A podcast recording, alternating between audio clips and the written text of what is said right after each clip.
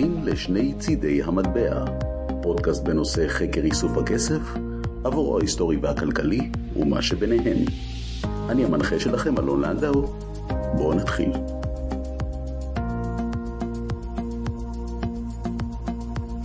שני צידי המטבע, תודה שהצטרפתם אלינו לעוד פרק בהיסטוריה של מטבעות ושטרות כסף של ארץ ישראל והעולם.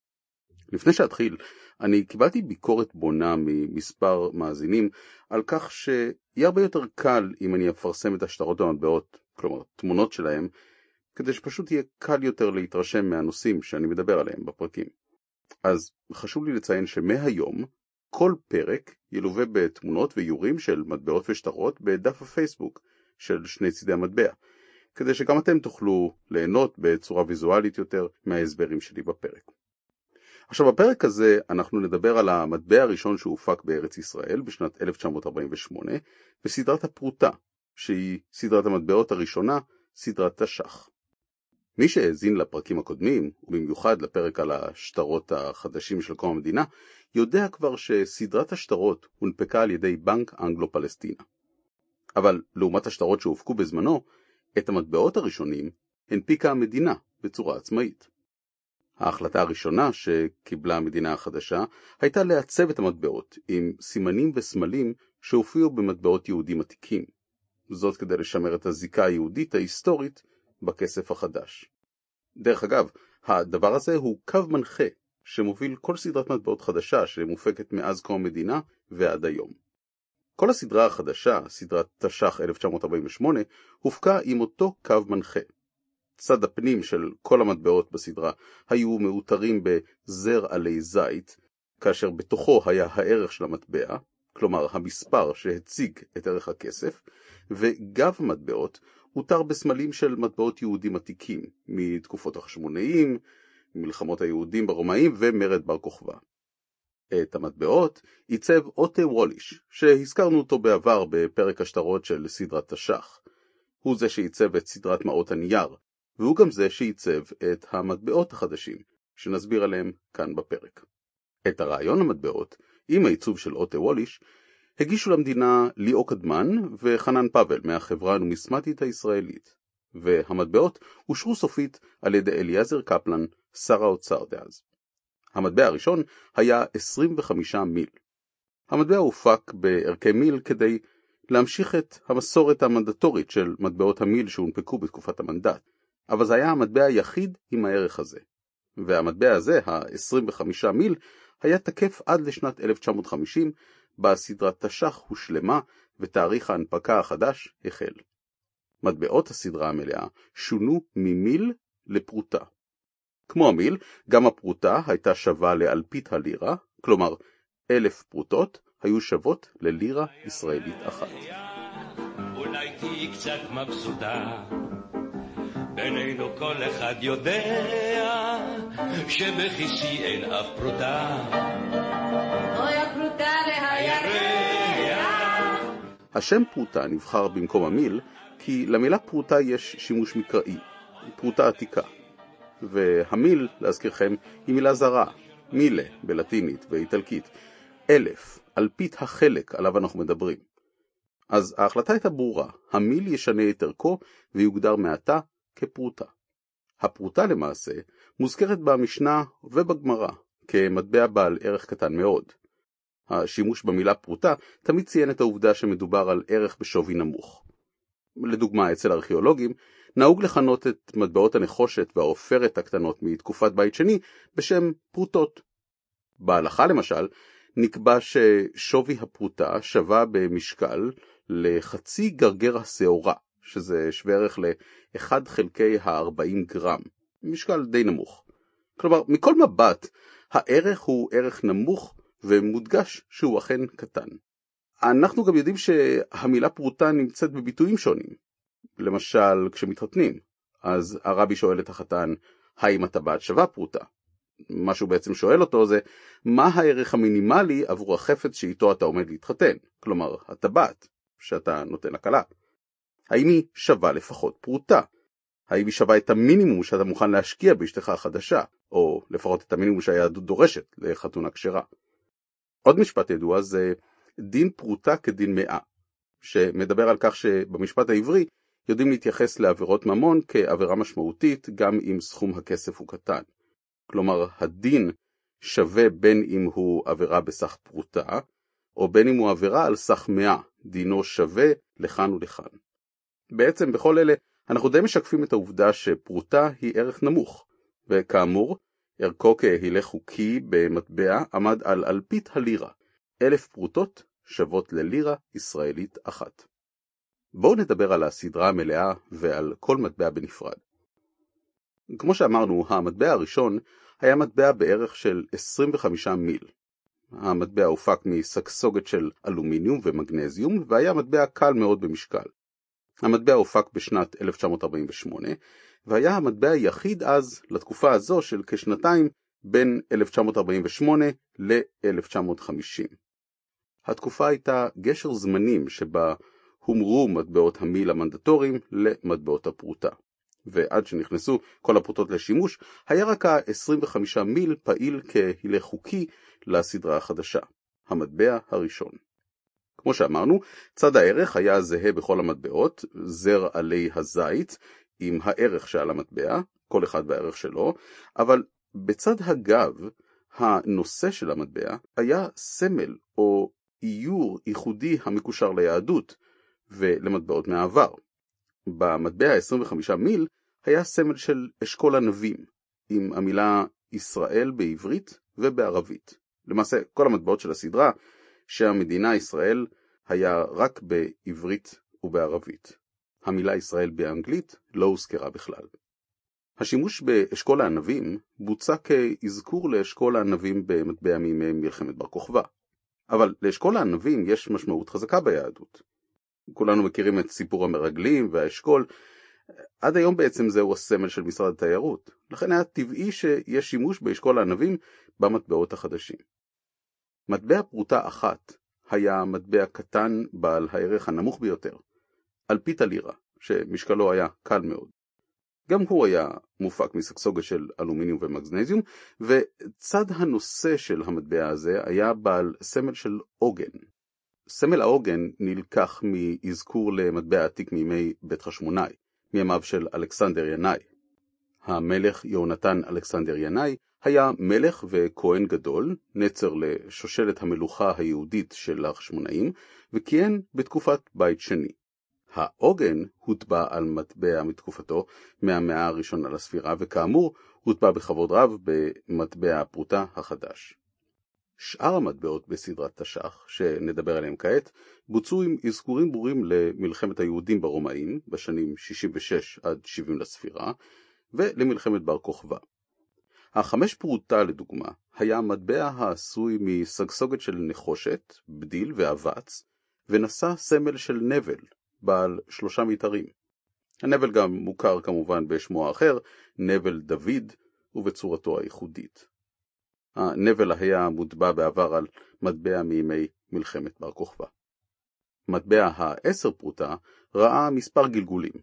בהתחלה, בשנת 1950, המטבע היה עגול, עשוי מסגסוגת של נחושת, בדיל ואבץ. הסמל שהוטבע עליו היה של כד בעל שתי ידיות, כד בעל שתי ידיות מכונה גם אמפורה, והוא היה מוטבע בעבר במטבע מימי מלחמת בר כוכבא.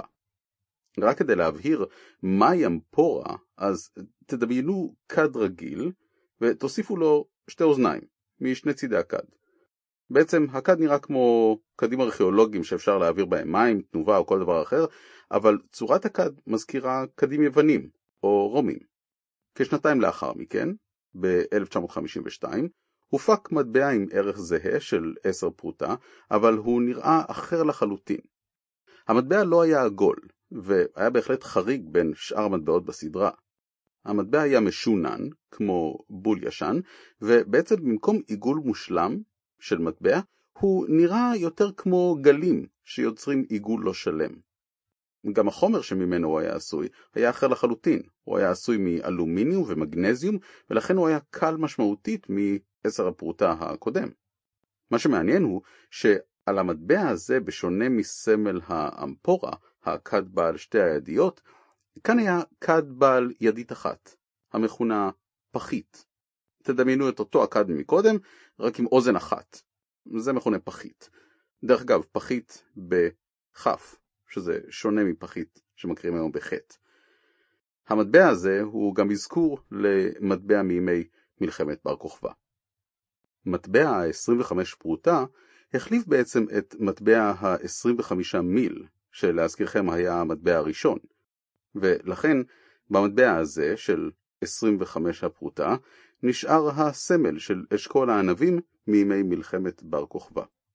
מטבע ה-50 פרוטה היה כבר גדול יותר ושקל יותר מהמטבעות הקודמים, הוא היה עשוי מסגסוגת של נחושת וניקל, ובצד הנושא הכיל סמל של עלי גפן. לעלי הגפן יש הרבה אזכורים, אבל במקרה זה, גם כאן זה היה מתוך מטבע מימי מלחמת היהודים. מטבע המאה פרוטה היה עשוי גם הוא מנחושת וניקל, ועל הסמל שהוטבע עליו היה סמל של עץ דקל. עץ הדקל מופיע בצורה ברורה גם הוא על מטבע מימי מלחמת בר כוכבא. חשוב לדעת, את המטבע המאה פרוטה הנפיקו בשנית, בכמות קטנה יותר, אבל אז הפיקו אותו בסגסוגת של פלדה וניקל, לעומת הנחושת בהיקף רחב יותר. לגבי סמל עץ הדקל, עץ התמר, ספציפית ביהדות משתמשים בכפות תמרים, כסכך לסוכה, ובנוסף פרי התמר נזכר בארבעת המינים וגם בשבעת המינים. לכן עץ הדקל עם כפות התמרים מהווה סמל חשוב במטבעות ארצנו, וכך גם על המאה פרוטה. מטבע ה-250 פרוטה, רבע הלירה, בעצם סוג של קורטר ישראלי, היה עשוי מסגסוגת של נחושת וניקל, והסמל שהיה עליו היה של כפות תמרים. בדומה לזה של המאה פרוטה, גם כאן מדברים על הדקל, רק שכאן בפועל סימנו את כפות התמרים. וגם כפות התמרים, כמו הדקלים שמסמלים את התנובה של האזור והפירות, היו נגישים ביותר בארצנו ובעלי חשיבות חזקה מאוד ביהדות. כפות התמר, גם הן מופיעות על מטבע מתקופת מלחמת היהודים. חשוב לציין שאת המטבע הזה יצרו בהנפקה נוספת, כמטבע מכסף. כלומר, המטבע היה משגשוגת של כסף, נחושת וניקל, ובצד הערך סימנו אותו בצורה ברורה עם האות H כדי להבדיל אותו מהסדרה הקודמת. המטבע האחרון בסדרה הוא מטבע 500 פרוטה, שזה בעצם חצי לירה ישראלית. המטבע הזה הוא מטבע גדול עם קוטר של 37 מילימטר, המשקל גם הוא משמעותי, 25 גרם למטבע בודד. מטבע גדול הוא מרשים לכל הדעות. המטבע הזה היה משגשוגת של כסף, נחושת וניקל, ולכן היה שווה הרבה גם בערכו, 500 פרוטה, וגם בעובדה שהוא מטבע כסף גדול. הסמל שעל המטבע הוא ענף הנושא שלושה רימונים, שזה בעצם סמל ממטבע מימי מלחמת היהודים. למעשה, סמל הרימונים עוד ילווה אותנו הרבה במטבעות העתידים שנדבר עליהם בפרקים הבאים. חשוב להבין שהרימון ביהדות מסמל פריון ושפע, בגלל שיש בו הרבה גרגירים והצבע שלו עז ואדום. דרך אגב, על פי הרמב"ם, אכילת רימון היא סגולה לחיזוק הלווידו וכוח הגברא. כמו שאמרנו, אנחנו נפגוש את הענף של שלושת הרימונים במטבעות נוספים בסדרות מתקדמות יותר. לסיכום, אלו הם עשרת המטבעות של סדרת תש"ח. מטבע הראשון עם הערך 25 מיל, ועוד תשעה מטבעות בעל ערכי פרוטה. נקודה מעניינת לגבי הסדרה הזו היא השימוש בשם המטבע ביחיד במקום ברבים. בשמות המטבעות ובערכם הכוונה. אני אתן לכם דוגמה. לא יודע אם שמתם לב, אבל השם שנכתב על המטבעות נכתב בלשון יחיד. כלומר, במקום 50 פרוטות, נרשם 50 פרוטה, וכך גם הצגתי את המטבע. כך גם ב-5, 10, 25, 50 ו-100. בעצם כל המטבעות, חוץ מהמטבע של הפרוטה האחת, השימוש היה צריך להיות ברבים, אבל הוא ביחיד. חמש פרוטה, כאשר נכון להגיד חמש פרוטות. עשר פרוטה, כאשר בעברית תקנית צריך לומר עשר פרוטות. וכך הלאה, 25, 50 ו-100 יש לומר פרוטות, ולא פרוטה. ואכן, זאת הייתה טעות. והטעות הזו תוקנה מספר שנים לאחר מכן, אבל התיקון הופיע רק במטבע עשר פרוטות. בגלל זה ניתן למצוא את שתי סוגי המטבעות הללו, שתי הווריאציות, עשר פרוטה שהופק ב-1950 ובנוסף ב-1952, ועשר פרוטות שהופק ב-1956 עם תיקון הטקסט לרבים. דרך אגב, נתון מעניין שאפשר לקחת אל מול השנים הללו, זה שב-1953 נוסדה האקדמיה ללשון העברית, ואני חושב, או אני בטוח, שהיה להם חלק בדבר.